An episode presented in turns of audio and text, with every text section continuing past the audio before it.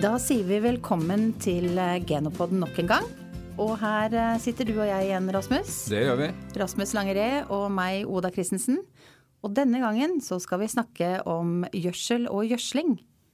Og med en prisvekst på eh, 60 til 100% så er det jo mange som spør seg om gjødsla nå er så dyr at vi må knipe på mengden.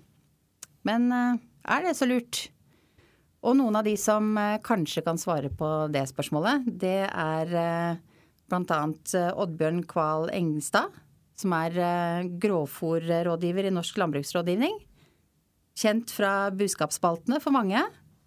Og er en virkelig nestor innen rådgivning på grasdyrking, høsting og konservering. Og den andre gjesten, intet mindre enn Ole Paulsen, som er mjølkeprodusent i Stange. Eh, og er med i artikkelen på jordnummeret av Buskap, der han presenterer toppdrift eh, Vettenødegården. Ja, riktig. Vettenødegården. Eh, sin resept for eh, god driftslederskap. Ledere? God driftsledelse. Ledelse. ja, men ja, eh, Ole, da kan vi begynne med deg. da. Du må få lov å presentere litt litt om drifta di? Ja, det kan jeg gjøre, Rasmus. Du, vi har 50 kuer ca. hjemme. Driver og prøver å produsere 500 000 liter nå. Det er nå å fylle opp det fjøsen bygde for noen år siden, som var da robotfjøs. Eh, som jeg òg beskriver i artikkelen. Det er en veldig, veldig, veldig fint fjøs her borti. Ja. Så vi driver på der og prøver å dyrke mest mulig godt grovfòr åt eh, kua vår, så vi får ned kraftfôrandelen. Eh, for både å få opp norskandelen, men mest mulig for å tjene mer penger. Så vi, så vi jobber med det nå. Men uh, hva er dine tanker, da? Nå, du har ført med på denne prisoppgangen og ja. alle skrivinga rundt, rundt dette med gjødsel. Hva er liksom, hva er, hvilke tanker har du gjort deg? Nei, Jeg har jo prøvd å lokke øynene, men det har ikke gått. så jeg, jeg, jeg, jeg har fått med meg. Du, nei, jeg har jo tenkt på de pengene som jeg nå bruker ekstra på den gjødsla. Det kunne jeg hatt større gjødselverdi hvis jeg hadde tent på de pengene på åkeren.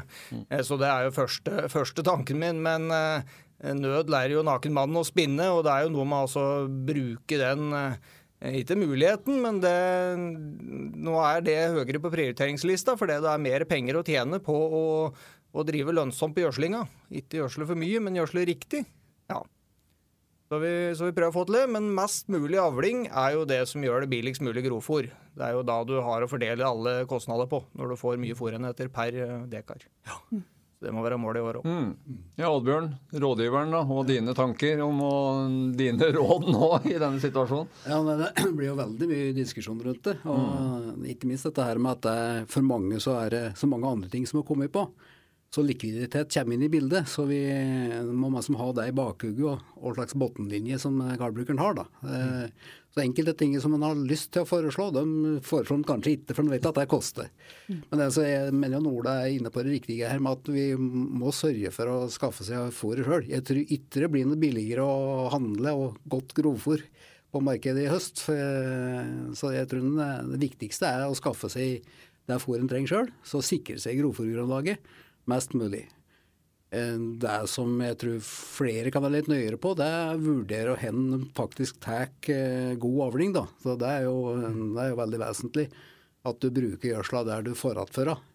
Mm. Eh, det er litt for i praksis og litt i planlegginga, så er det litt for flat gjødsling. Vi, vi lager en plan, vi gjødsler omtrent med spaken på samme plassen.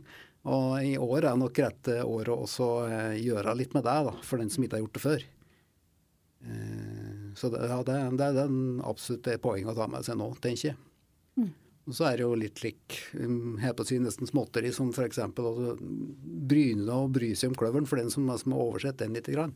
For det, det, det, er jo reelt. Særlig i ung eng så kan vi jo knipe litt og likevel få bra avling. Så eh, det er absolutt en eh, ting å ta hensyn til nå i år. Ja. Eh, men det er jo den kløveren en har ifra før, på en måte. da. Det, vi rekker ikke å få så mye for den kløveren vi eventuelt prøver å så i år. Den, den ser vi jo ikke før langt ut på sommeren likevel. Mm. Nei.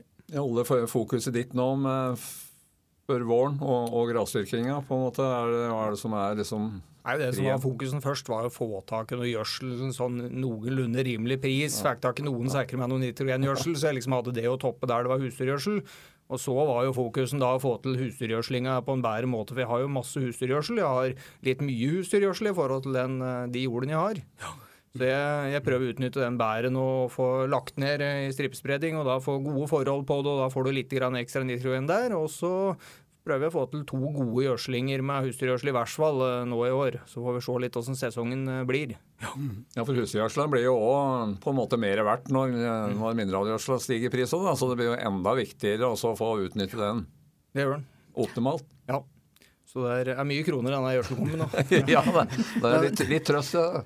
ja. det er jo, det er jo, det er jo ja, det er ganske typisk det at det er, for en som driver konvensjonelt, i hvert fall, så er det jo på en måte lønnsomheten eller økonomiske verdien i møkka, det er hva du kan bytte den mot i kunstgjødsel. da. Og den er klart da, når kunstgjødselprisen dobles, så da øker møkkverdien tilsvarende.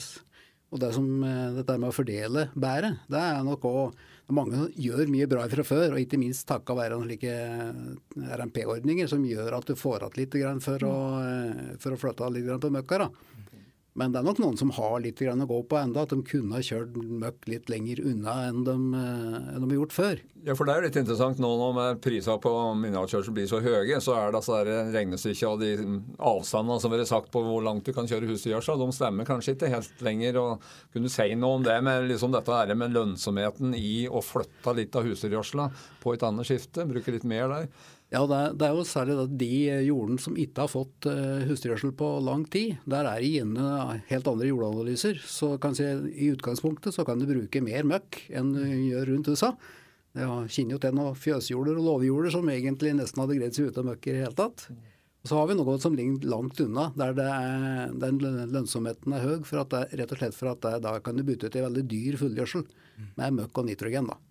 Og, det, og det, med de prisene som, den prisforskjellen som har blitt nå, så er det mer interessant. For da har du bedre betaling kan, på en måte da, mm. for å kjøre møkka. Eh, det, nå har jo både opp til NS, altså nitrogen svovel, og fullgjødsel økt i pris. Mm. Og dermed så er den gevinsten er overraskende lite forandra, eh, egentlig. Vi hadde trodd at det skulle være mer, men vi har nok økt en avstand. Eh, si en, Han snakka om en eh, gjødselprisøkning på 60-100% Vi har nok den avstand, eh, lønnsomme avstanden har nok òg økt kanskje en stand, ja, si 50% da, fra ei rundt tall. Mm. Jeg har en kollega i Agder som regna på dette mange ganger. og Til vårspredning så sier jo han at det kanskje kan være en kilometer per, per tonn på tanken eh, som du kan kjøre av. Eh, så kan si har har en titonns eh, vogn, så da kan du kjøre ti kilometer. Og Det er jo en del mer, for det var litt eh, det, det har jo variert litt, for, men det har jo vært ja. snakk om bl.a. noen seks kilometer nærmest, som er sånn maksgrense har jo vært nevnt. og ja, og det, og, det, og det, er slik at det, for det nitrogenet da er Normalt så får vi mest uh, utnyttelse av det på våren. så Derfor så er lønnsomheten normalt bedre på våren da, enn utover sommeren. Eh, og så er det det at eh, etter hvert så har vi fått eh, muligheten til eh, Det er flere som kan kjøre med lastebil, og det er container som du kan ha og slik. Så den har grensa der den har flyttet seg pga. det òg. At det har blitt mer tilgjengelig. Mm. For når vi kommer opp i nære 6-8-10 km kjøring, da er det billigere å leie inn noen til å kjøre som regel, enn å sitte der og kuske sjøl. Og Jeg ser jo det sjøl hjemme òg, på de åkra som ikke har fått gjødsel uh, tidligere, som jeg har i bruk, som jeg har nyleide. De gir jo god avling når de får på litt husdyrgjødsel, altså det responderer de veldig godt på. Mm. Og Vi bruker òg, nå ble jo semitrailer, det høres veldig voldsomt ut, men det er, det er himla effektivt altså når du skal flytte, flytte møkka til vei. Du sparer mye, mye turer på det. Mm. Og, så, og så, Da vil jeg ikke gjødsle de åkra. Hvis jeg liksom skulle sittet og kjørt der med den titonnstanken, for de begynner å bli såpass langt unna, så da, mm. da gjør det at vi får på husdyrgjødsel der. Mm. mm. Det betyr jo at det er verdt å liksom regne litt på dette. At det, du kan ikke liksom gjøre det samme hvert år. Altså Når prisdynamikken blir så stor, så må den på en måte tilpasse seg.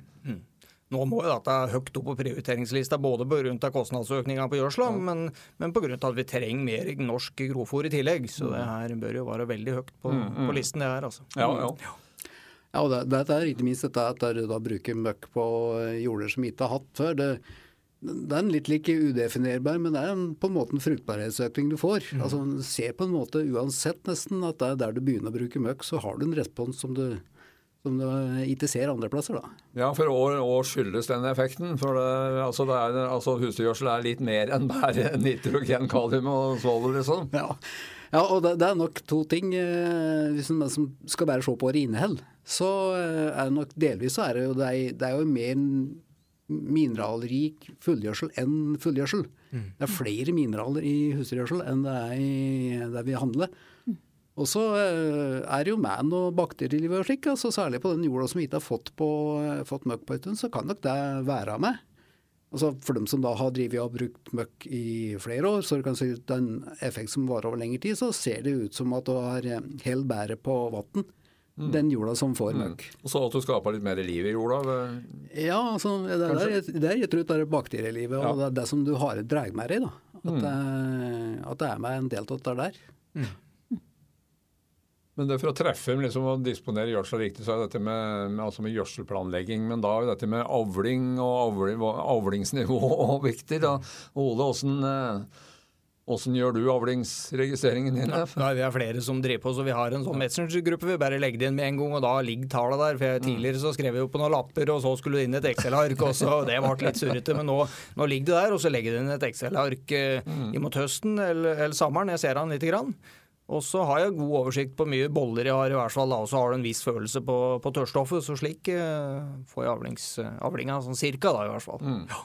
Og det er mye bedre enn ikke i det hele tatt.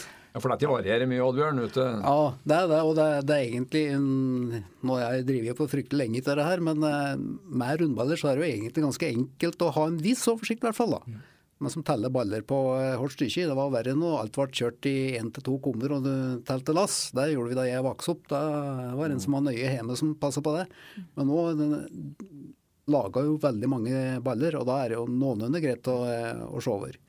Og jeg tror nok at det, det, er jo ikke alle som gjør såpass som dekk, men jeg tror at hvis en som slik nå i ettertid tenker over hvor var jeg fant disse ballene, og mange ble det, så er det flere som kunne ha differensiert på det her. Og det er ganske god lønnsomhet ved å flytte denne gjødsla fra et stykke som kan si gi tre baller på målet, mm. til det, det jordet som kanskje kunne ha greid fem, men som får fire for at det er vi mm. gjødsler flatt, da. Mm. Og ikke har uttelling eh, for det. For det kan, det, kan, nok ofte være den egen der du virkelig har gode forhold, at vi, at vi bommer litt. Vi bommer litt i andre enden, sjølsagt. Det gjør vi. Jeg så, eh, kikka litt på noen gamle tall fra Eller gamle og gamle. Det var Grofjord 2020 jeg så på. Det var nok eh, sjøl dem da, som var jevnt over flinke. Så uh, var det for mange som ikke fikk ut der de gjødsla. Mm. Altså, de gjødsla ganske normalt, men fikk ikke den avlinga de burde hatt. Det har vi ikke råd til i år. Nei, det er, det er helt sikkert. Men jeg gjør jo fra 1000 tørrstoffenheter til 600. Ligger jo imellom der, faktisk, på de åkra mine òg. De er jo ganske mm. jevnt fordelt, men det er eh, stor forskjell i jordsmonnet, altså. Mm. mm. Ja. ja. Du har antagelig ganske ung eng i forhold til mange? Ja, jeg prøver jo å pløye opp igjen, da. Det er jo mm. litt reale stykker, mye av det. Mm. Ja.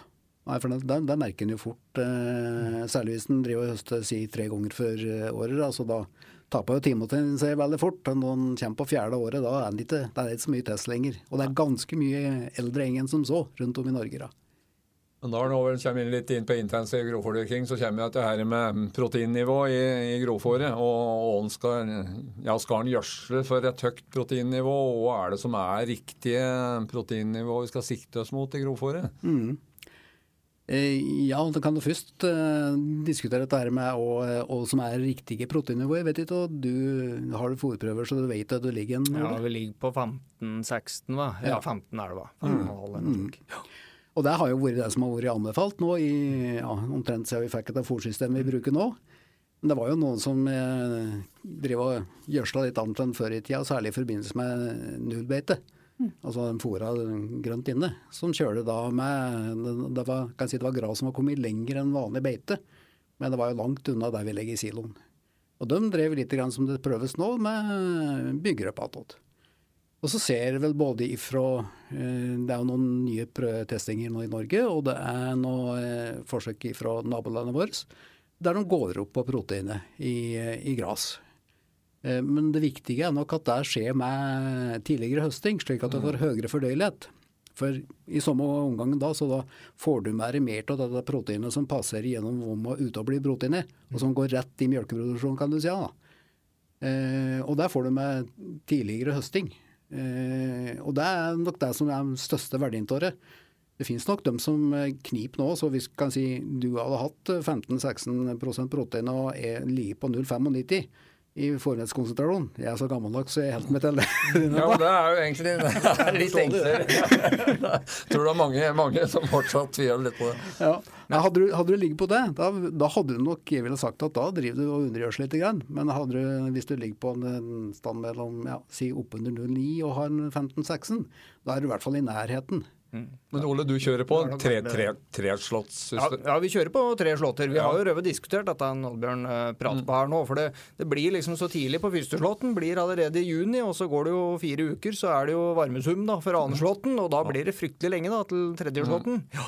Uh, men så er jeg litt redd for at enga går ut. da, Timoteien går ut hvis jeg begynner med fire slåtter. Um, ja. Og, og rive og pløye opp et annethvert år er jeg, Det er jo noe avlingstap det første året, i enleggsåret. Da får jeg ikke de avlingene jeg får år eh, ellers selv, føler jeg da. Ja. Altså det endeksåret mitt, da. Mm. Ja. Nei, og, der, der, skiller det nok litt. altså Hvis du sårer at uten gjenlegg, så eh, da merker nok du det er mer enn en del andre plasser som kan si de starter med eng som kanskje er en åtte-ti år gammel. Mm. De kan fort få like stor avling på gjenlegget ja, som de ja. får på den gamle enga.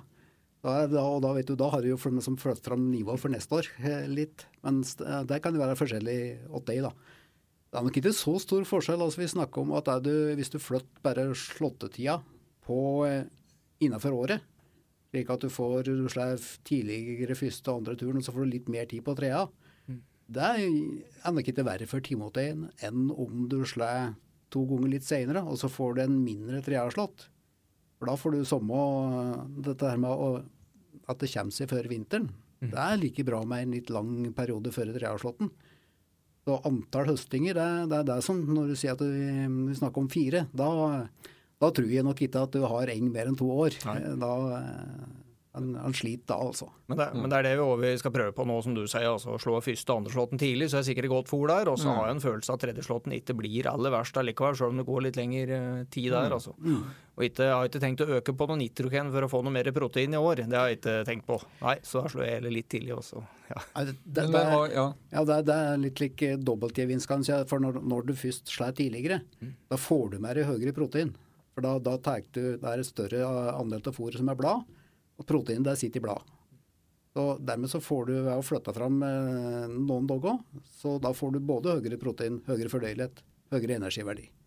Da får du på en måte tre i ett. Men, men, de som har eh, to slåtter, da, som stort sett kjører to, men er på grensa til tre slåtter, burde de da tenke tre slåtter? Tåler timotein det bedre i de områdene, eller er det ja, noen, samme som gjelder? Ja, Noen av dem som driver med dette der, de driver egentlig med tre høstinger for at de beiter til slutt.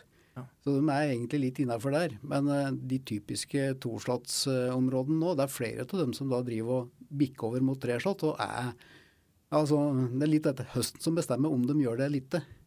Men de vil nok kunne oppleve at den enga som før var fire, den var toppen tre år når de, eh, når de begynner å gå over til treslåttsystem. Mm. For det, det, det, ser en godt i forsøkene at da dukker løvtann og slikt noe opp. altså når vi, når vi, begynner å kjøre litt tidligere røsting. Det er ikke så høy næringsverdi i den, kanskje. Nei, nei. Men, men, har dette med gjødselprisene noen betydning for hva vi, skal, vi skal så? da, Disse frøblandingen, er det på en måte aktuelt med, med ja, f.eks. belgvekster og, og kløver f.eks.? Det blir nok uh, mer aktuelt å gjøre det. Det, det, tror jeg absolutt. at det, Og det har jo egentlig vist seg hele tida. De har jo hatt foringsforsøk som viser at det, du får høyere fôropptak med kløver. Så du kan si der også drar du med flere effekter i samme slengen. da. Mm. Så kan du i hvert fall de to første årene så kan du knipe på eh, nitrogengjødsla når du har kløver. Men så har den veldig lett for å gå ut sjøl om vi har mer moderne sorter. Så jeg må være forberedt på at den har litt nitrogen å gå på tre år i hvert fall. At du, at du kanskje gjør seg litt sterkere da for å få sånn avlinga. Vi, vi, kan jo forvente at prisen holder seg ikke så høy som nå, får vi da virkelig ikke håpe. Men det, at nå holder seg høy til neste år er ikke umulig. Så det kan jo mm. kanskje vi, tenke på det når du skal så igjen i år, da. Ja, nei, Det vi har fått høre, er jo at en den kommer ikke ned på det nivået vi hadde før. Den kommer til å bli liggende litt høyt nå. og det, det, skyldes litt at det har skjedd noe med produksjonskapasitet. Som, eh, som gjør at det vil, vil helle seg høyere. Så det, mm. det du sår av kløver nå, det taper du ikke på. Mm. Den kan gjøre i år, for den som da har en del åpen åker uansett, det er jo at den kan ta med seg noen erter eller åkerbønner i grønnfòret. Mm, mm. Det er I stedet for å kjøre på rent draigress. Mm. Da kan du, du kan absolutt knipe litt på noe Mm. gjødsel der, og få ei brukbar eh, avling, da. Men nå er det jo liksom litt at likviditeten har du vært innom, altså, men det er jo noen andre ting i forhold til dette med pH, f.eks. og kalking. da, og Det er jo fort kanskje at det blir knepig på sånne ting, da, men det, det er vel ikke så veldig lurt. Nei, ikke hvis det er lågt. øh, Da får du att for det. Men det er klart, er det litt på grensa, og du liksom vurderer å vedlikeholdskalke, så vet jeg ikke. Det går kanskje an å utsette det et øh, år, men øh, ja. Jeg skjønner at du helst ikke skal gjøre det, men Nei, jeg tror, altså Når vi snakker på at, det her, at folk eh, ikke fikk ut avlinga, så er det nok eh, særlig kalk og drenering det mangler på. Det er mye sur jord i, i Norge, og det er mye som er sur i utgangspunktet, som skal ha kalking jevnt. Og da mener du har sagt at du kan komme helt ned på bare 50% utnytting av gjødsla hvis pH-en er nede på 5 f.eks. Det er vist noen beregninger ja. på det. Da kom de kanskje fra kalkindustrien, så skal jeg En viss egeninteresse i Nei, men det er jo ingen tvil, for at det er, hvis vi ser på så er verdifulle grasartene, så vil de ha en ganske høy pH. Og når de, eh, hvis det går utover rotsystemet mm. dem, da får de ikke tak i næringa, og da taper avling med en gang. Du kan si at Det som vi virkelig er verdt å dyrke, det vil ha en god pH, så da, da bør den ligge på seks. og er noe, faktisk noen svenske undersøkelser tror var, som vi har sett nå nyss, som antyder at vi kanskje skal høyere enn det òg. Men eh, det er jo norske forsøk som sier at vi ligger vi på 6-6,5, da har vi bra pH for det vi dyrker i Norge. Vi må så vidt innom det med teknologi nå. Den gjør jo store framskritt eh, på mange områder. og det, Når det gjelder gjødselspredninga òg, så, så er det jo vært en del fokus på det. og vet du, Ola, Har du investert i noe ja, nå, le- nå leier jeg inn litt hjelp på Ja, ja. er husdyrgjødsla, men de har investert så de får lagt ned gjødsla i år i hvert fall, og da sparer vi jo en del nitrogentap mm. bare der, da. Så, Men utstyr for, eh, for eh, spredning av mineralgjødsla men å Ja, jeg har ikke investert i sånn presisjon, og det er jo litt eh, Det kunne du ha gjort, det hadde du sikkert spart enda mer på i år, men mm. da har du på likviditeten Mm. Ja, at. Mm. da om du har 150 000 å bruke på en sånn gjødselspreder i, i det året her, eller om du skal vente med det til et annet år. Mm, da. Og det, Der ser jeg også som en utfordring. og så Ikke minst hvis du da vil satse på et system, så, så er det fort oppi seg prisene der, da.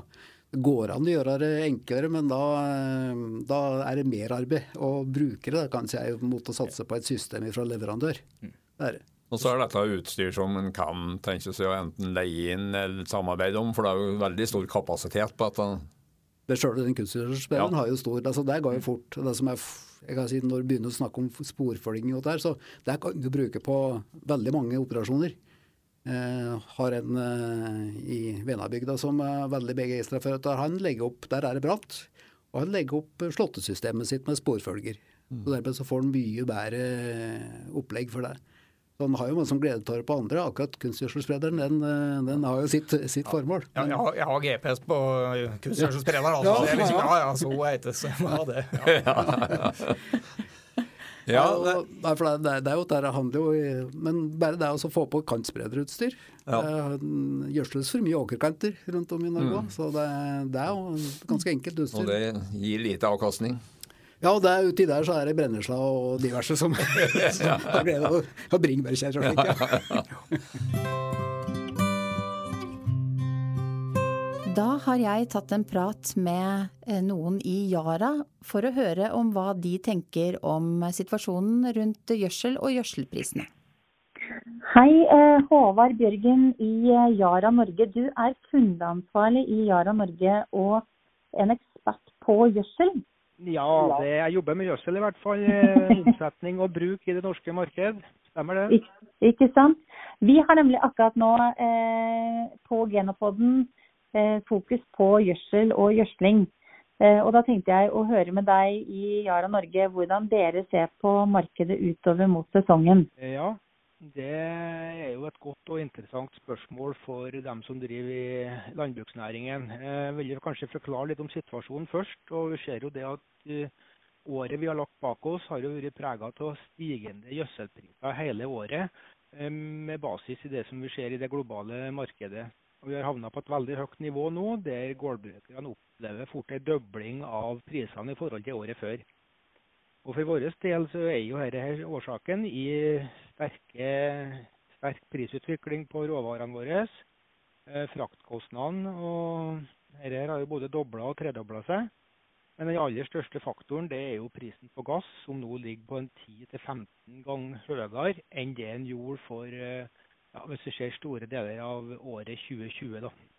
Mm. Så produksjonskosten på gjødsel har faktisk vært så høy at betalingsevne eller betalingsvilje hos en del markeder har kommet bort. Og det har ført til at en del produksjonskapasitet på gjødsel har måttet stengt ned. Ingen som ville ha kjøpt varen. Eh, vi tror vel at markedet nå framover vil roe seg litt ned, at vi er ferdig med de store prisøkningene, men at det vil være en sterk etterspørsel på gjødsel fram mot uh, våronna i Europa, som gjør at prisene vil holde seg på et, et nivå iallfall utover, utover mot våren i stund. Ja. Så det, eh, man vil ikke se de samme prisene som man har sett eh, tidligere, i tidligere år? Eh, ser vi på det som er spådd framover og på gasspris, så ser det ut som det skal holde seg på et historisk høyt nivå. Og Det mm. gjør jo at vi sannsynligvis kommer til å gå inn i en ny sesong i løpet av ettersommeren også på høyere nivå enn det som vi har vært vant med. Ikke sant. Men det som er viktig å si her, det er det at det er den uroen som vi ser i verden, som påvirker veldig mye av det her eh, globale bildet den uroen som vi ser borte i Russland, er jo, er jo med å påvirke dette her veldig, og som er vanskelig å forutse. Ikke sant. Ting henger jo sammen. Men da er jo også et, eh, et spørsmål som, eh, som, kommer godt fram her nå, er jo selvfølgelig da hva bør en melkeprodusent eh, fokusere på, på mot kommende gressesong? Ja, det er lurt å tenke over. Og jeg tror jeg tør å si det at jeg ikke vil anbefale noen å gå inn for å planlegge for en redusert eh, dyrkningsintensitet. Eh, det du taper i avling med å redusere gjødslinga, det blir sannsynligvis mye dyrere å kjøpe inn eh, i form av kraftfôr og eventuelt annet innkjøpt fôr.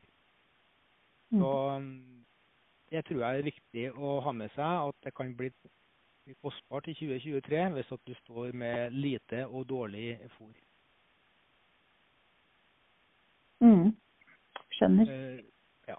Tenker du videre, så er det jo mye andre grep òg gårdbrukeren kan gjøre for å, å, gjøre det beste ut av situasjonen. Da. Og det er jo det er jo det at man må jo forsikre seg om at spredeutstyret på mineralgjødsla fungerer godt. For Når du skal mm. spre og bruke en vare som er ganske dyr, så er det klart at da må du da må du spre den på rett vis. Uh, og Derfor er det viktig at de kontrollerer og sjekker at sprederne sine fungerer. Og så er det jo også sånn at det er en stor forskjell på en uh, gammel og umoderne sprayer i forhold til en ny og moderne. Dette her gjør jo jobben på to meget forskjellige, meget to forskjellige resultat. Uh, som gjør at en del som ikke har av de nye sprederne med kantsprayer, seksjonskontroll og GPS, kanskje i større grad skal faktisk leie inn den tjenesten, sånn at du får uh, brukt den dyre gjødsla på optimal måte. Ikke sant. Forstår det. Nei, men eh, hvis uh, vi ser fremover, så håper vi jo på en, en bra vår og kanskje litt mer Ja, at man Litt roligere i verden også. Det vil jo kanskje synes på sjøl på, på grasbakken vår. Um, Eh, er det noen siste ting du tenker at det er viktig eh, at vi har fokus på? Altså, jeg syns jo det at en bør, bør, passe på Du snakker til en god vår, og det er jo veldig viktig når en driver det gamet at en må få en god start. Så ja. det å få ut uh, mineralgjødsla tidlig tenker jeg er, er viktig. Eh, og i og med at gjødsla er såpass dyr nå, så kanskje du for en gangs skyld skulle vurdere faktisk å delgjødsle til eh, førsteslåtten. Hvis mm. du er i et område der du vet at det kommer store nedbørsmengder, så kan det være lurt å ikke legge på all nitrogen eller all gjødsla fra våren, men heller dele opp i to. Har du en ny og moderne sprayer med GPS, så er det, er det, så effektivt og billig å få gjort den jobben at det kan lønne seg å gjøre dette to ganger.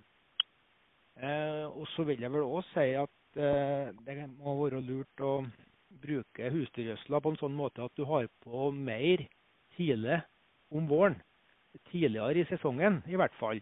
Sånn at du ikke går vinteren i møte og ikke har brukt opp de næringsstoffene som er i, er i husdyrgjødsla. Mm. Og Et siste poeng vil jeg kanskje også si det at har du en ny og moderne sprayer, så kan du benytte deg av såkalte at-farm-bilder, dvs. Si biomassebilder, som gjør at du kan variere nitrogengjødslinga internt på et skifte. Det gjør at du utnytter skiftet totalt sett på en mye bedre måte. Så gå inn på yara.no eller atfarm.no, så finner du her biomassebildene. Mm. Du Håvard, da sier jeg tusen takk for, uh, for gode råd. Uh, og for en, uh, for en, forklaring også når det gjelder markedssituasjonen.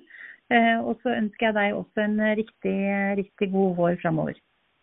Takk for det, og lykke til med våronna. Jo, takk. Ha det bra. Mm. Ha det. Ja, nei, Vi en, eh, vi nærmer oss, nærmer oss slutten. Tida går fort her. Men vi, vi har som tradisjon at ikke alltid, alle våre gjester får komme med et, et supergodt råd. Så, og Da er det naturlig å spørre om, om deres beste råd når det gjelder gjødsel og gjødsling. Og Ole, du kan jo komme først. Nei, Gjødsel etter å få topp avlinger i året. altså Det her må prioriteres. Så, så bruk de midlene du har på å få kjøpt inn den gjødsla. Så eh, mm. du får avlinger, eller så får du det igjen for eh, neste år og året deretter. Oddbjørn? Ja, jeg er helt enig med Ola. Det er kanskje det viktigste rådet. Det, er, og jeg, det andre det, er, eh, det går på si, ett råd, det er flere. Men det går på gjødsle tidlig. Eh, ja. Ha gjødsla tilgjengelig altså åt planten eh, fra starten. Kan delgjødsle, men her, i hvert fall her i Innlandet som det er tørt, så er ikke det noe poeng. Og så er det det å gjødsle i hvert fall som normalt, om du vurderer å justere noe så gjødsel som normalt ifra våren. Og så kan en gjøre noe etter førsteslåtten. Hvis du ser at førsteslåtten ble veldig bra, da kan en kanskje begynne å vurdere å justere litt. Men skal en gjøre det, da bør en egentlig òg justere slåttet inn på de neste, slik at du ikke sitter der med et uh, proteinfattig fôr. Det, det, dette henger i hopes. Mm. Kniper du på nitrogenet, så går proteinene ned i hopus med avling ting henger i hopet der som på mange andre områder. Ja. ja, dette var gode råd å ta med seg. Og jeg vil uh, si tusen takk til uh, gjestene våre. Oddbjørn Kval Engstad og Ole Paulsen med veldig god innsikt på gjødsling. Jeg har vært helt stille, jeg har lært masse. Uh, og takk til dere som hører på. Neste Genopod, da skal vi inn på et annet tema. For da kommer faktisk podden vår, eh, pod-episoden, litt senere. Vi skal ha den 8. mars. Og 8. mars, gutta, eh, hvilken dag er det? Er, din, er din dag, Det er min dag. Syns jeg liksom at vi skal i hvert fall ha minst én dag. Eh, det er selvfølgelig den internasjonale kvinnedagen, og da skal vi ha fokus på eh, kvinner i, eh, i landbruket, og særlig kvinnelige melkeprodusenter, inn i et område som er litt mannsdominert. Her sitter jeg da med tre menn, så sånn sett så ser vi det. Og det syns vi blir veldig, veldig spennende, så det gleder vi oss til. Så den kommer da 8. Tirsdag 8. mars. Tirsdag 8. mars. Men da fra neste måned så går vi tilbake til den første onsdagen i, ja, da, i måneden. Vi gjør bare en liten forskjell akkurat for en helt spesiell anledning. Mm. Eh, og du finner selvfølgelig Genopoden på alle de vanlige pod-appene, eh, og hvor du hører andre podder. Eh, og du finner den også på hjemmesiden vår, geno.no. Eh, og da gjenstår det alle egentlig å ønske alle hjertelig eh, lykke til med uh, våren. Og håpe på store avlinger og god kvalitet, selv om gjødsla har en viss uh, pris. Og krysser fingra for at gjødselprisen ikke ødelegger for ambisjonene våre om økt norskandel i fôret. Det har jeg nesten lyst til å applaudere for, men tusen takk. Takk. takk.